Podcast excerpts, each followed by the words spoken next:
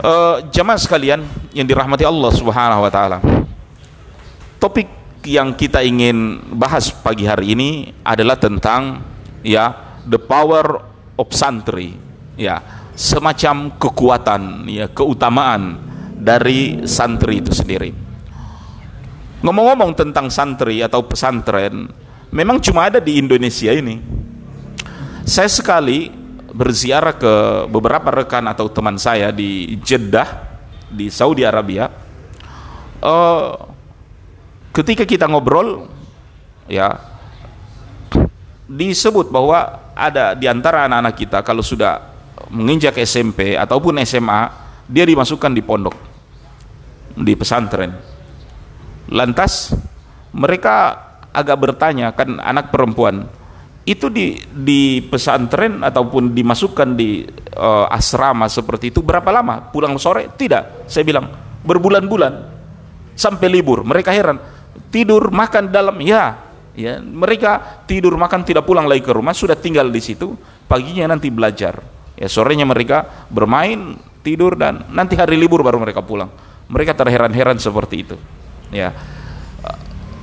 Di sebagian besar wilayah di negara-negara muslim pesantren ini kekhasan dari ya uh, kaum muslimin yang ada di Indonesia ya makanya namanya juga ya bukan nama Arab ya para ulama kita yang pergi menuntut ilmu di Timur Tengah sesudah mereka mendapat sanat bacaan Quran, bacaan hadis, bacaan kitab-kitab, mereka pulang ke Nusantara ini. Ya, belum ada Indonesia waktu itu. Di sini mereka mengajar ilmu uh, dari apa yang dipelajari. Mungkin belajarnya sore, malam, atau sesudah subuh. Nah, orang-orang yang belajar sama Pak Kiai ini, ya sama, mereka tidak pulang lagi ke rumahnya. Ya, dan Pak Kiai ataupun sang guru ini telah menampung orang-orang yang mau belajar di rumahnya.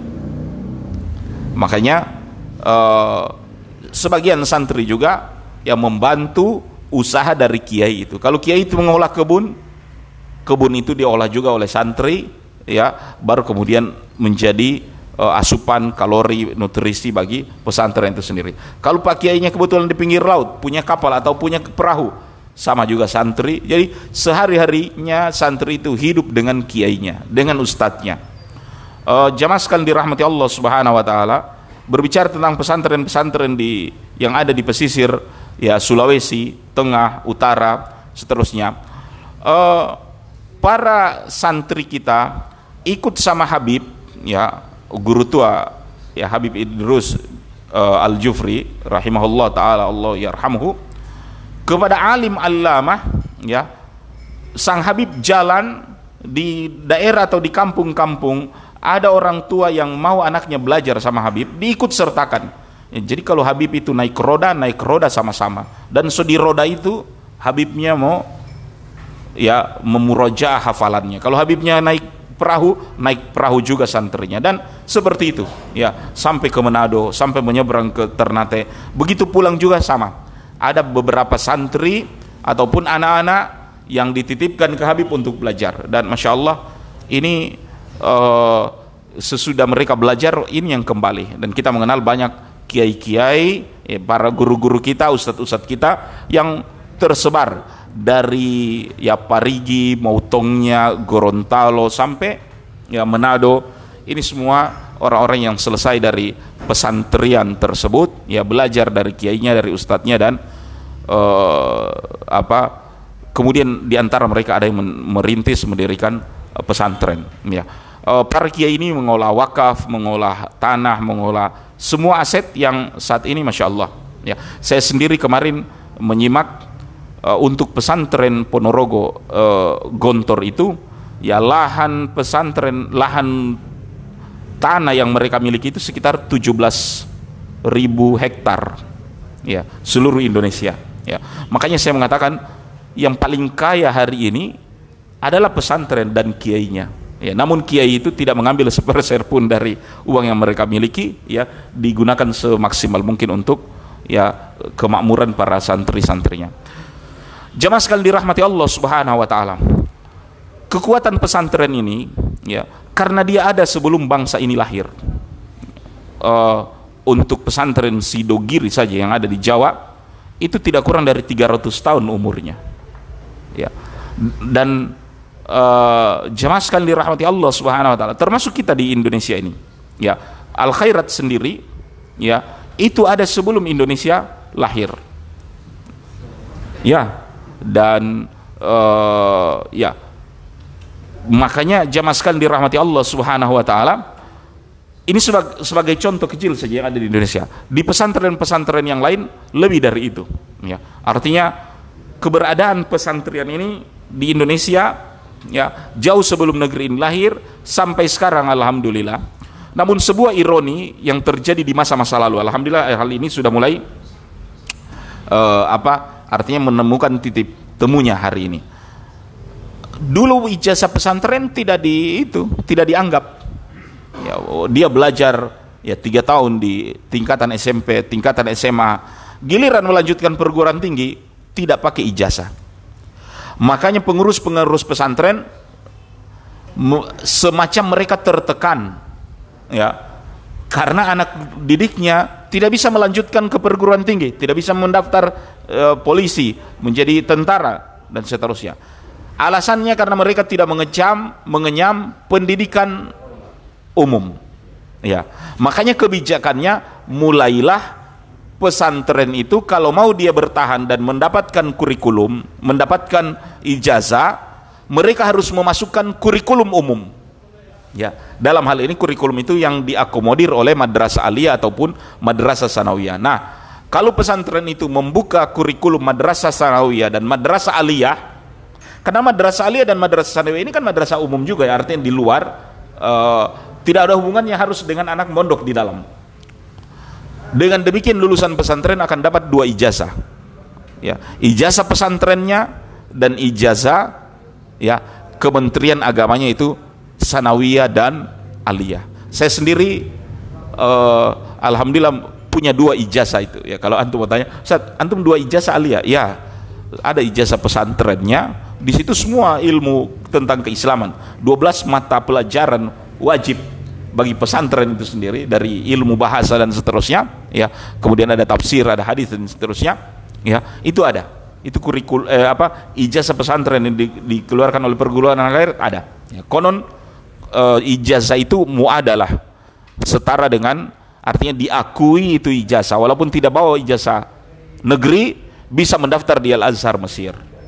Ya. Dan masya Allah beberapa ustazah beberapa uh, kiai itu melanjutkan ke Mesir uh, karena dengan ijazah itu. Sebelum ya mengadopsi pesantren itu dengan ijazah negeri. Ya. dulu sebelum ada ijazah negeri orang tidak bisa melanjutkan Masya Allah. Dan itu ironi kontribusi yang besar yang diberikan oleh para santri pesantren terhadap pendidikan di tanah air sebelum Indonesia lahir. Kan Belanda mana mungkin mengurus? Ya Belanda tidak mungkin mengurus pesantren.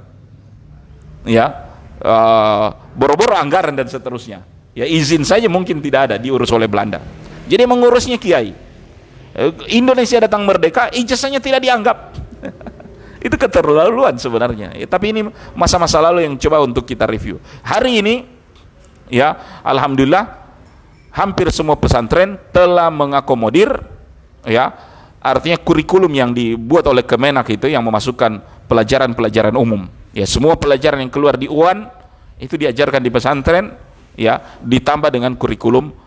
Cuman dampaknya sekarang pelajaran jadi banyak. Ya di zaman-zaman saya menjadi santri saja yang konsen diajarkan hanya kurikulum yang ada yang yang pagi itu. Ya kurikulum pesantren mulai tergusur. Ya kita sudah pelajaran balaghah tidak mau tuntas, pelajaran ya syair tidak tuntas dan seterusnya. Sehingga belakangan-belakang ini kualitas dari pesantren jadi menurun dalam hal penguasaan ilmu lugahnya, ilmu bahasanya. Ya, terus terang banyak di antara para alumni pesantren ya yang tidak lagi fasih berbahasa Arab. Bahasa Arabnya bisa didapat di mana? Nah, nanti sekarang ini bahasa Arab dituntut oleh para alumni pesantren dengan mengikuti kursus ataupun kuliah minimal 2 tahun pra pesantren. Seperti yang ada di Mahat ya di Mahat Al Husain di sini ya. Itu yang konsen untuk menguatkan kembali bahasa yang memang tidak tuntas dulu dipelajari ya. Dan kita mengalami hal-hal seperti itu. Uh, saya bertemu dengan salah satu pengasuh pesantren mengatakan Ustadz sebenarnya kita ini disibukkan supaya tidak konsen lagi dengan pelajaran pesantren. Kenapa? ada dua tantangan orang mengelola pesantren sekarang Ya, apalagi ketika kita mengakomodir dan kita terancam bahwa akreditasi pesantren kita tidak akan meningkat kalau tidak mengikuti kurikulum itu. Itu ancamannya. Kalau tidak mengikuti itu uh, penerapan kurikulum, maka uh, dengan dalih akreditas, ya, tidak memenuhi syarat dianggap, ya, tidak mau dapat B, ya, syukur-syukur mau dapat A. Makanya pesantren-pesantren hari ini sibuk dengan dua hal. Yang itu tidak ada kaitan dengan pesantren. Yang pertama, untuk meningkatkan kualitas dianggap bahwa pesantren itu memiliki nilai yang tinggi, pesantren-pesantren harus harus berprestasi di bidang olahraga karena ada pekan olahraga pesantren. Pekan olahraga seni. Jadi itu jadi pusing Pak Kiai Makanya pelajaran seni dan olahraga kadangkala tidak diserahkan kepada sembarang orang. Kenapa? Ada event-event tertentu harus menang dalam pekan olahraga dan seni ini para santri. Akhirnya harusnya sore-sore menuntut ilmu kepesantrenan jadi tersisa sebab para santri harus dilatih juga olahraga, menang di voli, menang di sepak bola, menang ya. Kalau malam solah, solelah ngantuk itu para santri belajar. Boro-boro mau belajar kawaid sesudah isya dari siang dari sore yang harusnya waktu-waktu produktif karena kan waktu pelajaran dari jam 7 sampai jam 12 atau jam 1 tersisa dengan semua pelajaran kurikulum yang menggabungkan di situ kurikulum umum dengan kurikulum yang dibawa oleh Kemenak. Ya, jadi posisi kurikulum dari pesantren nanti sore, sore pun terjadi dengan ya, ada itu pekan olahraga seninya, personinya pesantren tidak main-main.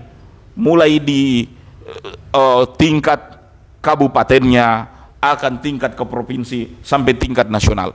Makanya ada sempat sinyaleman ya beberapa kiai mengatakan aduh sayang sekali lulusan pesantren sekarang cuma jago main bola dengan jago menyanyi. Ya karena ketika kita atas dasar men, uh, apa menerapkan kurikulum itu. Ya kemerdekaan menerapkan kurikulum sendiri tidak tidak mampu. Ya. Ya lait seandainya jamaah sekalian dirahmati Allah kita pun mau bertahan seperti bertahannya pesantren Gontor Ponorogo. Ya. Itu dengan kebijakan dulu bahwa tidak akan keluar ijazah kalau tidak menerapkan kurikulum umum ya. Pesantren ya Gontor itu termasuk yang kekeh dengan jamaah sekalian dirahmati Allah penerapan kurikulum mereka sendiri. Ya. Mau dapat ijazah tidak mau dapat ijazah persoalan yang kedua. Makanya bertahun-tahun tidak pernah terima ijazah. Dan itu yang saya dengar dari beberapa alumni. Mereka tidak terima ijazah. Ya ijazah yang saya biasa terima ini ijazah aliyah itu mereka tidak terima. Karena ijazah dan raport mereka adalah kurikulum yang diterapkan di pesantren itu. Dan itu bertahan. Dan alhamdulillah mereka menang. Ya terakhir mereka menang akhirnya lulusan gontor bisa diterima lagi di perguruan tinggi yang lain tanpa harus ambil ya paket C atau apa ya dari uh, kurikulum umum itu. Ya, awal-awal cuma Mesir yang terima atau tapi masya Allah ya dengan begitu jamaah sekalian dirahmati Allah hari ini mereka menangani sekitar 17 ribu santri seluruh Indonesia. Ya, saya melihat kemarin profil dari pesantren Gontor berapa berapa santri yang mereka didik hari ini 17 ribu ya dan mereka tersebar di banyak pulau. Di Sulawesi ini sendiri kita dapatkan cabang dari Gontor itu ada di Poso. Itu pesantren Gontor yang ada di Sulawesi ada di di Poso. Ya besar. Jamaah sekali dirahmati oleh Allah Subhanahu wa taala ya. Saya hanya di hari santri seperti ini ya uh, hanya ingin sedikit menolak syubhat menolak anggapan ataupun stigma miring kepada pesantren itu sendiri. Ya, bahwa karena tadi kan dia disibukkan dengan uh, apa olahraga, seni sehingga terlalaikan dari pelajaran agama dan seterusnya. Padahal luar biasa kontribusi dari uh, ya santri dan pesantren ini sendiri dalam rangka mencerdaskan bangsa ya dan melahirkan para tokoh-tokoh nasional kita. Dulu uh, uh, dan alhamdulillah paradigma ini kan mulai berubah sekarang alhamdulillah. Cuma memang eh, sebelum saya membahas itu, inilah satu di antara wadah perjuangan umat Islam di Indonesia yang menanamkan ketauhidan, menanamkan agama kepada uh, apa generasi kita. Ya, ketika dulu isu jilbab tidak boleh di pelajaran umum, orang-orang tua yang kekeh dengan ya penerapan jilbab kepada anak didiknya masuk pesantren. Ya, dan ironi yang muncul begini Dulu sekolah umum itu mahal, bayar. Makanya pesantren kasih gratis semua. Ya, dilihat ternyata dengan gratisnya ini berbondong-bondong orang masuk pesantren banyak. Ya, akhirnya pemerintah ikutan lagi kasih gratis itu sekolah umum. Ketika gratis sekolah umum, pesantren bikin lagi kasih mahal itu pesantren. Dan kita ada di zaman itu sekarang. Ketika sekolah umum cenderung gratis atau banyak subsidi di situ, ya sekarang untuk masuk pesantren, masya Allah, ya sama dengan kasih kuliah anak. Pesantren lagi yang mahal. Sampai saya sendiri sebenarnya ada kritikan kepada beberapa pengelola pesantren ya uh, karena saya mengenal mereka dan kita sama-sama tapi eh ingat-ingat dulu kita ini sekolahnya gratis. Sampai kuliah kita ini gratis. Kenapa sekarang antum bikin sekolah? Bayarnya mahal-mahal cuma mereka bilang begitu start sekarang dulu pemerintah kasih mahal itu sekolah pesantren kasih gratis Ya sekarang ya negara hampir menggratiskan itu pendidikan. Giliran kita yang kasih mahal lagi itu sekolah. Dan seterusnya. Walaupun jawaban itu sampai sekarang saya tidak paham, ya tapi jamaah sekali dirahmati Allah Subhanahu wa taala, kiranya ini juga kepada para dai, para pejuang ya untuk uh, berpikir kembali. Kalau memang hanya yang punya uang yang bisa masukkan anak ke pesantren kapan lagi ada pesantren-pesantren yang bisa digratiskan semua orang bisa mengaksesnya? Stigma miring kepada pesantren. Yang pertama orang mengatakan bahwa halo.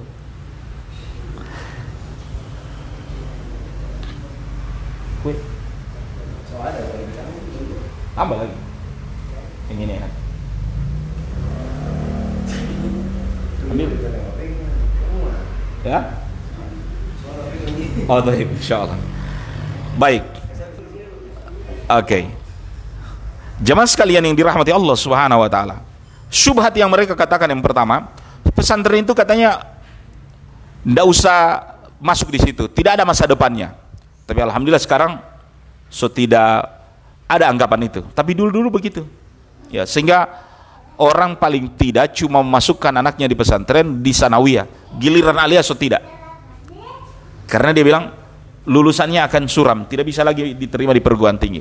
Atau minimal hari ini ada anggapan kalau memang anaknya mau masuk teknik sipil atau anaknya mau masuk kedokteran ya atau anaknya mau kuliah hubungan internasional nanti ke depan dan seterusnya.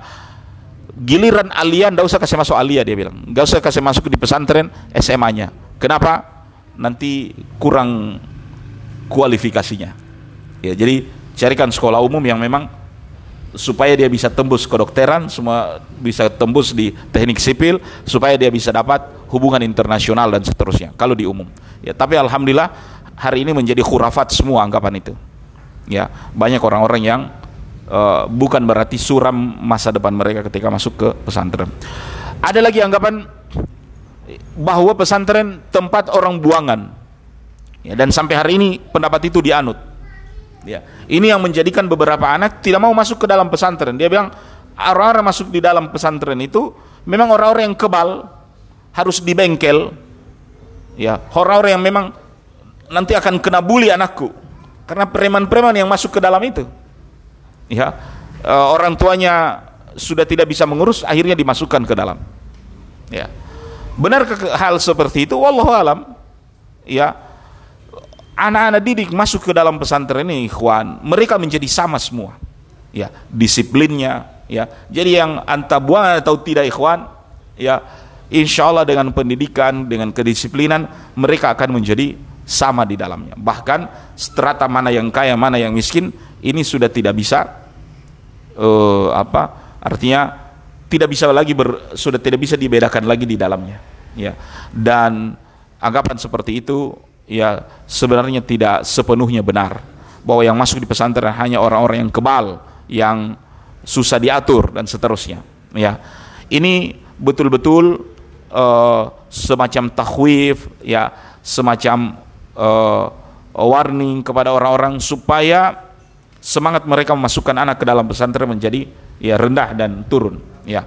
Dan jemaah sekalian dirahmati Allah Subhanahu wa taala ya seandainya hanya orang-orang yang perlu dibengkel masuk ke dalamnya ya maka risalah dari pendidikan itu tidak akan berhasil. Berarti tambah preman orang masuk, keluar dari pesantren para alumninya.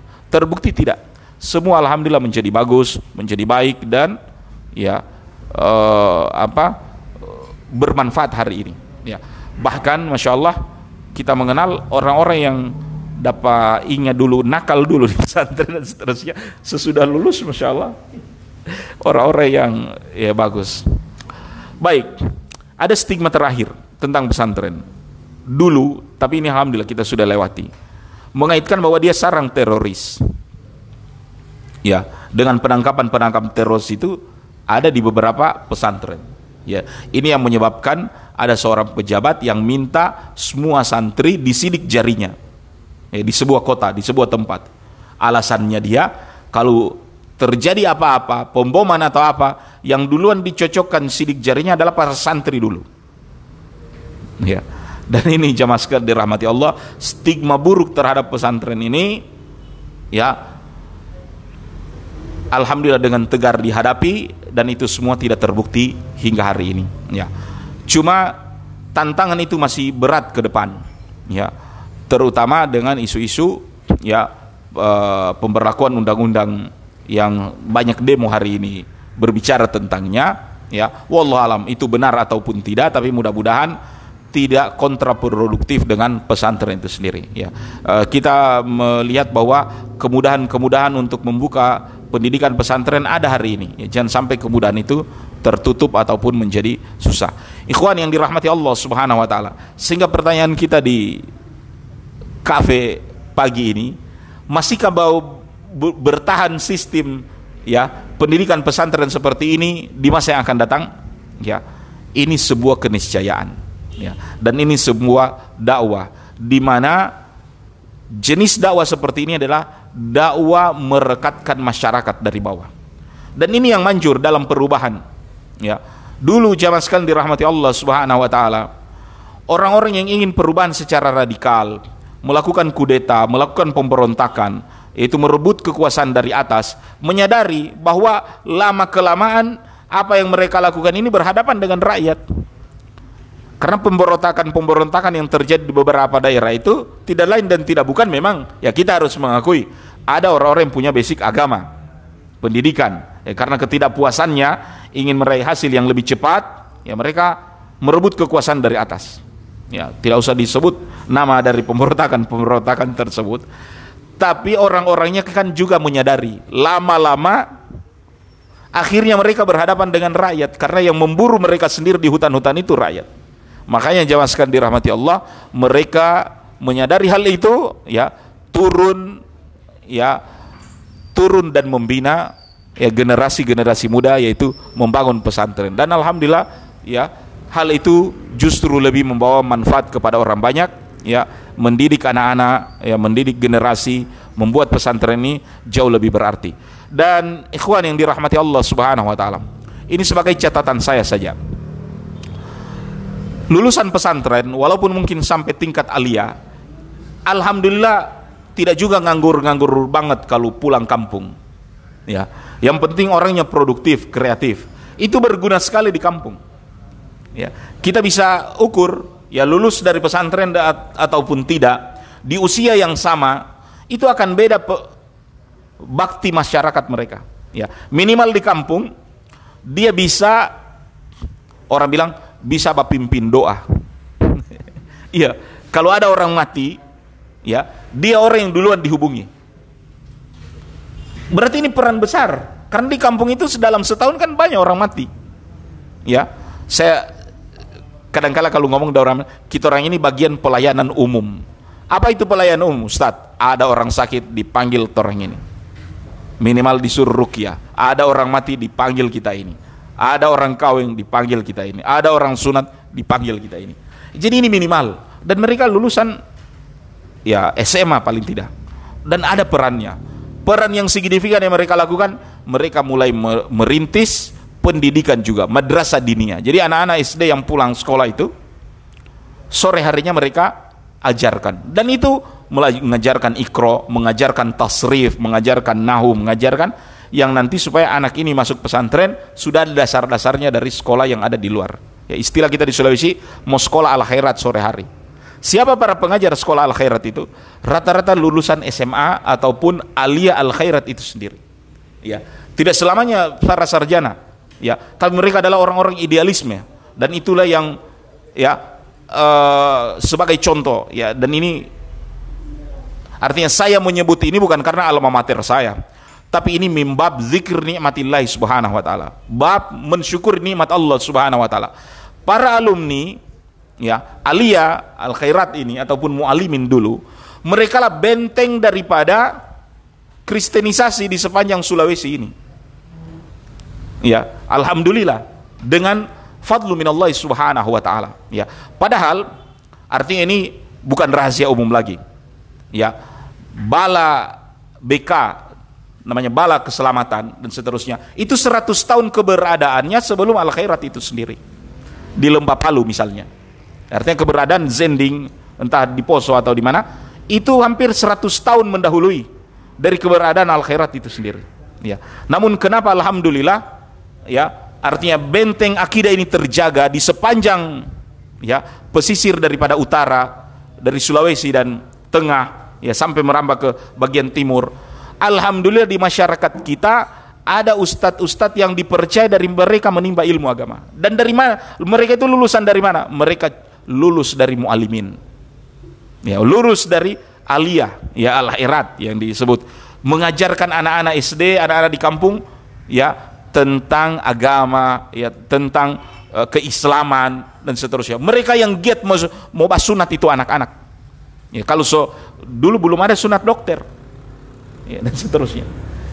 Ikhwan yang dirahmati Allah Subhanahu wa taala. Ini kesyukuran kepada Allah Subhanahu wa taala. Siapa yang bertahan itu? Mereka bukan para sarjana. Mereka para santri, lulusan santri tapi sangat fight. Ya, yang belakangan ya para lulusan mualimin ataupun alia ini ya lulusan pesantren itulah yang ya membangun dua pesantren masya Allah yang kita kenal misalnya di Gorontalo ini di Al Huda itu kan lulusan Al Khairat di Al Khairat sana itu para lulusan mualimin masya Allah. Bahkan kalau kita berbicara tentang pesantren kita Hubulo ya yang merintisnya adalah orang-orang yang lulusan aliyah ya dari An Najah ya eh, ada juga mungkin dari Gontor tapi umumnya yang di Al-Najah dari Cipulir ya yang uh, apa sehingga membangun uh, pesantren yang ada ini. Ya artinya orang yang memiliki dana yang kuat ingin memberi memberi pendidikan yang layak bagi masyarakat dengan orang yang memiliki ilmu ya tapi umumnya memang orang-orang yang memiliki ilmu yang punya jiwa ya eh, girahnya yang tinggi. Ini jamaah sekalian dirahmati Allah Subhanahu wa taala menolak syubhat-syubhat ya tentang kepesantrenan yang memang sudah bukan lagi uh, masanya uh, peran yang bisa kita rasakan di Sulawesi bagian utara, Gorontalo, ya Sulawesi Tengah dan seterusnya ini benteng akidah umat. Alhamdulillah. Ya, padahal sekolah-sekolah rakyat dulu itu kalau kita ngobrol dengan para nenek kita kan mereka sekolah rakyat. Ya, uh, bahwa beberapa tenaga pengajar itu kalau kita menyimak tidak lain dan tidak bukan adalah para zending itu sendiri. Ya, yang mengajarkan di sekolah rakyat itu. Ya artinya uh, karena doreng yang pintar duluan oleh Belanda. Ya tapi alhamdulillah tidak bertahan itu. Dulu berkelahi antara pesantren dengan ya, apa jamaah sekalian dirahmati Allah benteng umat terjaga alhamdulillah. Dan kesyukuran kepada Allah Subhanahu wa taala. Sehingga kadang saya bilang Masya Allah ya walaupun ya uh, ya ada yang 100 tahun duluan umurnya dibandingkan ya risalah dari pesantren ini tapi akidah umat terjaga ya uh, alhamdulillah kita masih tetap kaum muslimin ya dan ini peran dari para guru-guru dan pesantren kita. Masya Allah, saya melihat bagaimana uh, apa kesahajaan dari para guru-guru kita ketika mengajar. Ya, artinya kalau orang mau uang dengan berdagang dia berkali-kali lipat. Ya, tapi semangat yang diwariskan oleh para guru-guru kita di dalam mendidik adalah semangat pengabdian, pengorbanan. Ya, dan ini mereka bertahan, masya Allah. Ya, jazahumullah khairan.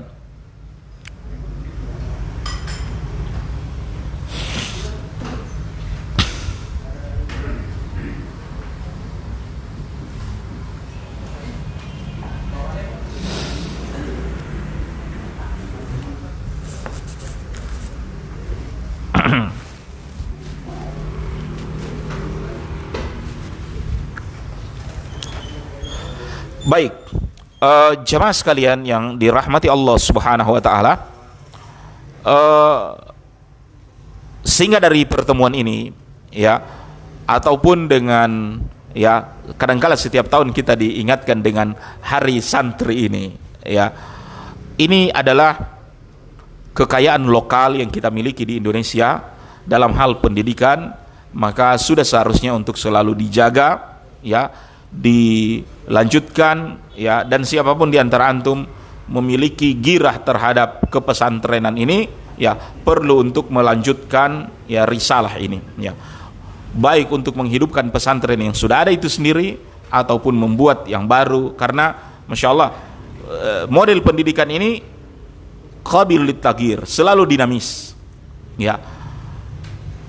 Kalau kita ingin menghasilkan orang-orang yang terampil berbahasa dengan pesantren itu sendiri ada gontor cinta eh, apa contohnya misalnya kalau kita melahirkan para lulusan tapi orang yang unggul di teknik dan seterusnya ya antum eh, apa artinya dengan sekolah menengah kejuruan itu juga tidak terang dan seterusnya. Ini eh, jamaah sekalian dirahmati oleh Allah Subhanahu wa taala. Di akhir dari kajian ini ada sebuah buku fenomenal di pesantren-pesantren yang kadang-kala orang bertanya Kenapa para santri begitu menjunjung tinggi para kiainya dan ustadz? Ya, sampai ada sebagian santri, artinya yang jadi lazim di pesantren-pesantren, pasti orang cium tangan Pak Kiai dan Ustadz. Ya, saking tawadunya. Dan kenapa mereka, ya artinya sosok Kiai atau Ustadz itu begitu karismatik, begitu dikultuskan. Ya, seperti itu. Wallahu taala alam. Ya, ini semua berangkat dari pemahaman, dari pemikiran. Dan satu buku yang saya bawa pagi ini kepada antum, inilah rahasia dari ya seni ya menuntut ilmu di pesantren yang dijadikan oleh para santri, dijadikan oleh para ustadz, ya sehingga meng mengukir adab itu. Ya, e, artinya mereka selalu tahu memenuhi hak-hak guru ya dan apa hak-hak murid dan bagaimana kesehariannya. Ada satu kitab hampir semua pesantren membahasnya namanya Ta'limul Muta'allim. Ya. Saya berkenalan beberapa teman-teman lulusan pesantren ternyata mereka bilang kami juga membahas itu buku. Jadi ada dua buku fenomenal. Selain buku Al-Jurumiyah yang belajar tentang tata bahasa, ada buku tata akhlak, tata adab yang pasti dibahas oleh para penuntut ilmu atau para pesan, pesantrian di pesantren itu sendiri ya. Dan mungkin kalau masih ada waktu saya ingin baca sedikit ini ya. Atau kita pertanyaan terserah bentuk baik. Uh, jamaah sekali dirahmati Allah Subhanahu wa taala buku ta'lim muta'alim ini ya di pesantren sendiri dia termasuk disebut kitab kuning. Dan memang ini kitab kuning. Ya. warnanya kuning. Padahal sebab dari warna kuning ini inilah kertas yang paling murah. Jadi murah meriah. Dibandingkan dengan kertas koran itu sendiri kertas koran berharga. Iya kan? Dengan dicetak seperti ini oh, tapi masya Allah itu yang menjadi kekhasan. Uh, yang kedua para kiai juga agak terang bacanya karena ya kuning warna dasarnya dan belakangan handphone-handphone juga mengadopsi ini warna kuning ketika kita baca karena dia lebih sejuk di mata dibandingkan warna putih ya kan? Atau antum antum bilang Ustaz orang punya layar biru bukan layar kuning. Jemaah sekalian dirahmati Allah Subhanahu wa taala.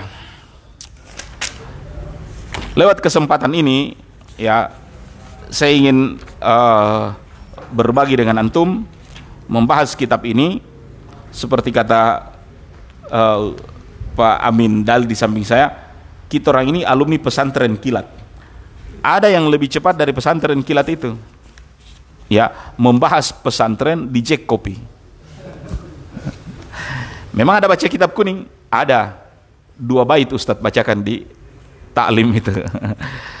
Baik. Jamaah sekalian dirahmati Allah Subhanahu wa taala. Ya, para santri di pesantren ditanamkan sebelum menuntut ilmu ya bagaimana memiliki niat. Ya dan niat itulah yang menguatkan. Maka kenapa penuntutan ilmu itu tidak surut? Walaupun lumayan berat ya senyaman-nyamannya di hidup hidup di pesantren tetap mereka rindu. Rindu orang tua rindu keluarga rindu game rindu play store rindu apa semua yang ada di rumah yang dia tinggalkan ya tapi eh, ada perkataan yang fenomenal ya lebih baik orang tua menangis berpisah dengan anaknya masuk pesantren daripada nanti ya dia di kemudian hari akan menangis ya anak-anaknya ya yang justru menjauhi dia karena jauh dari agama.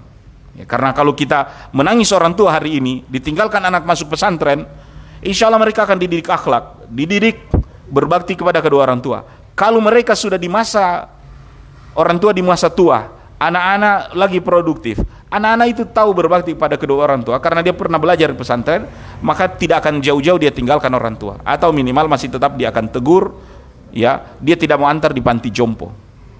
Ya, insya Allah tidak ada anak santri yang mau antar orang tuanya di panti jompo karena sudah tidak mau mengurus dan seterusnya.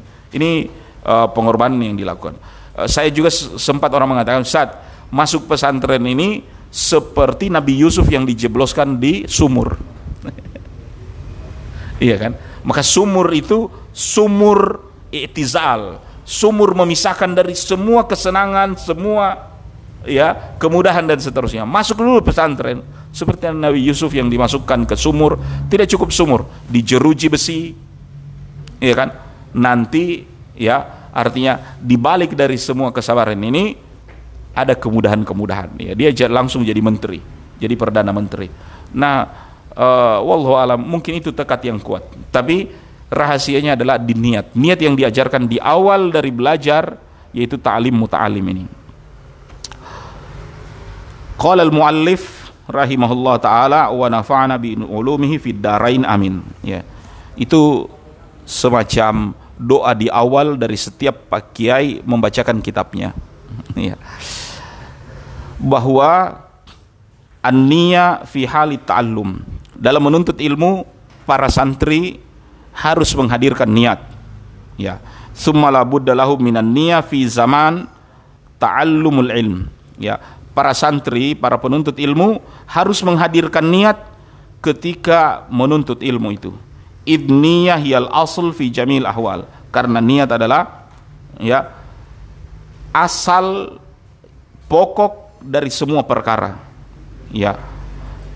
Orang berbuat jahat saja karena niat. Teori kepolisian apa?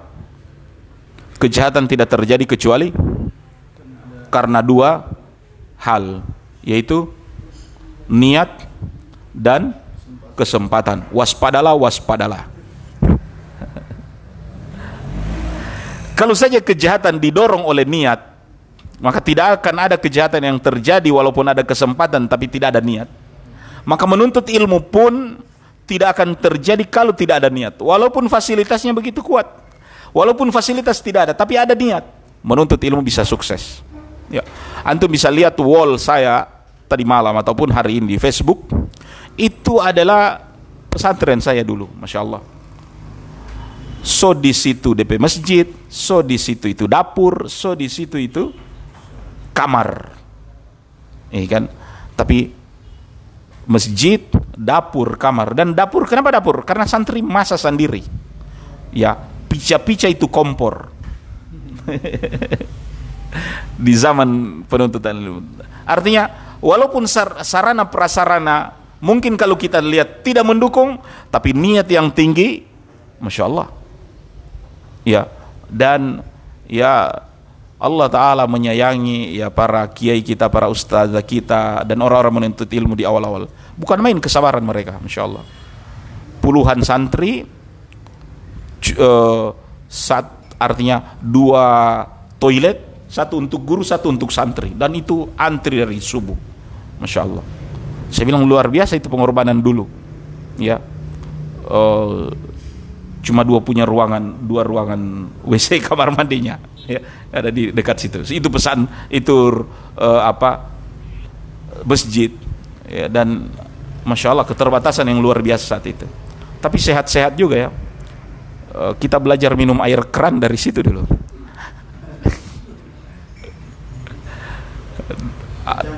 Ya?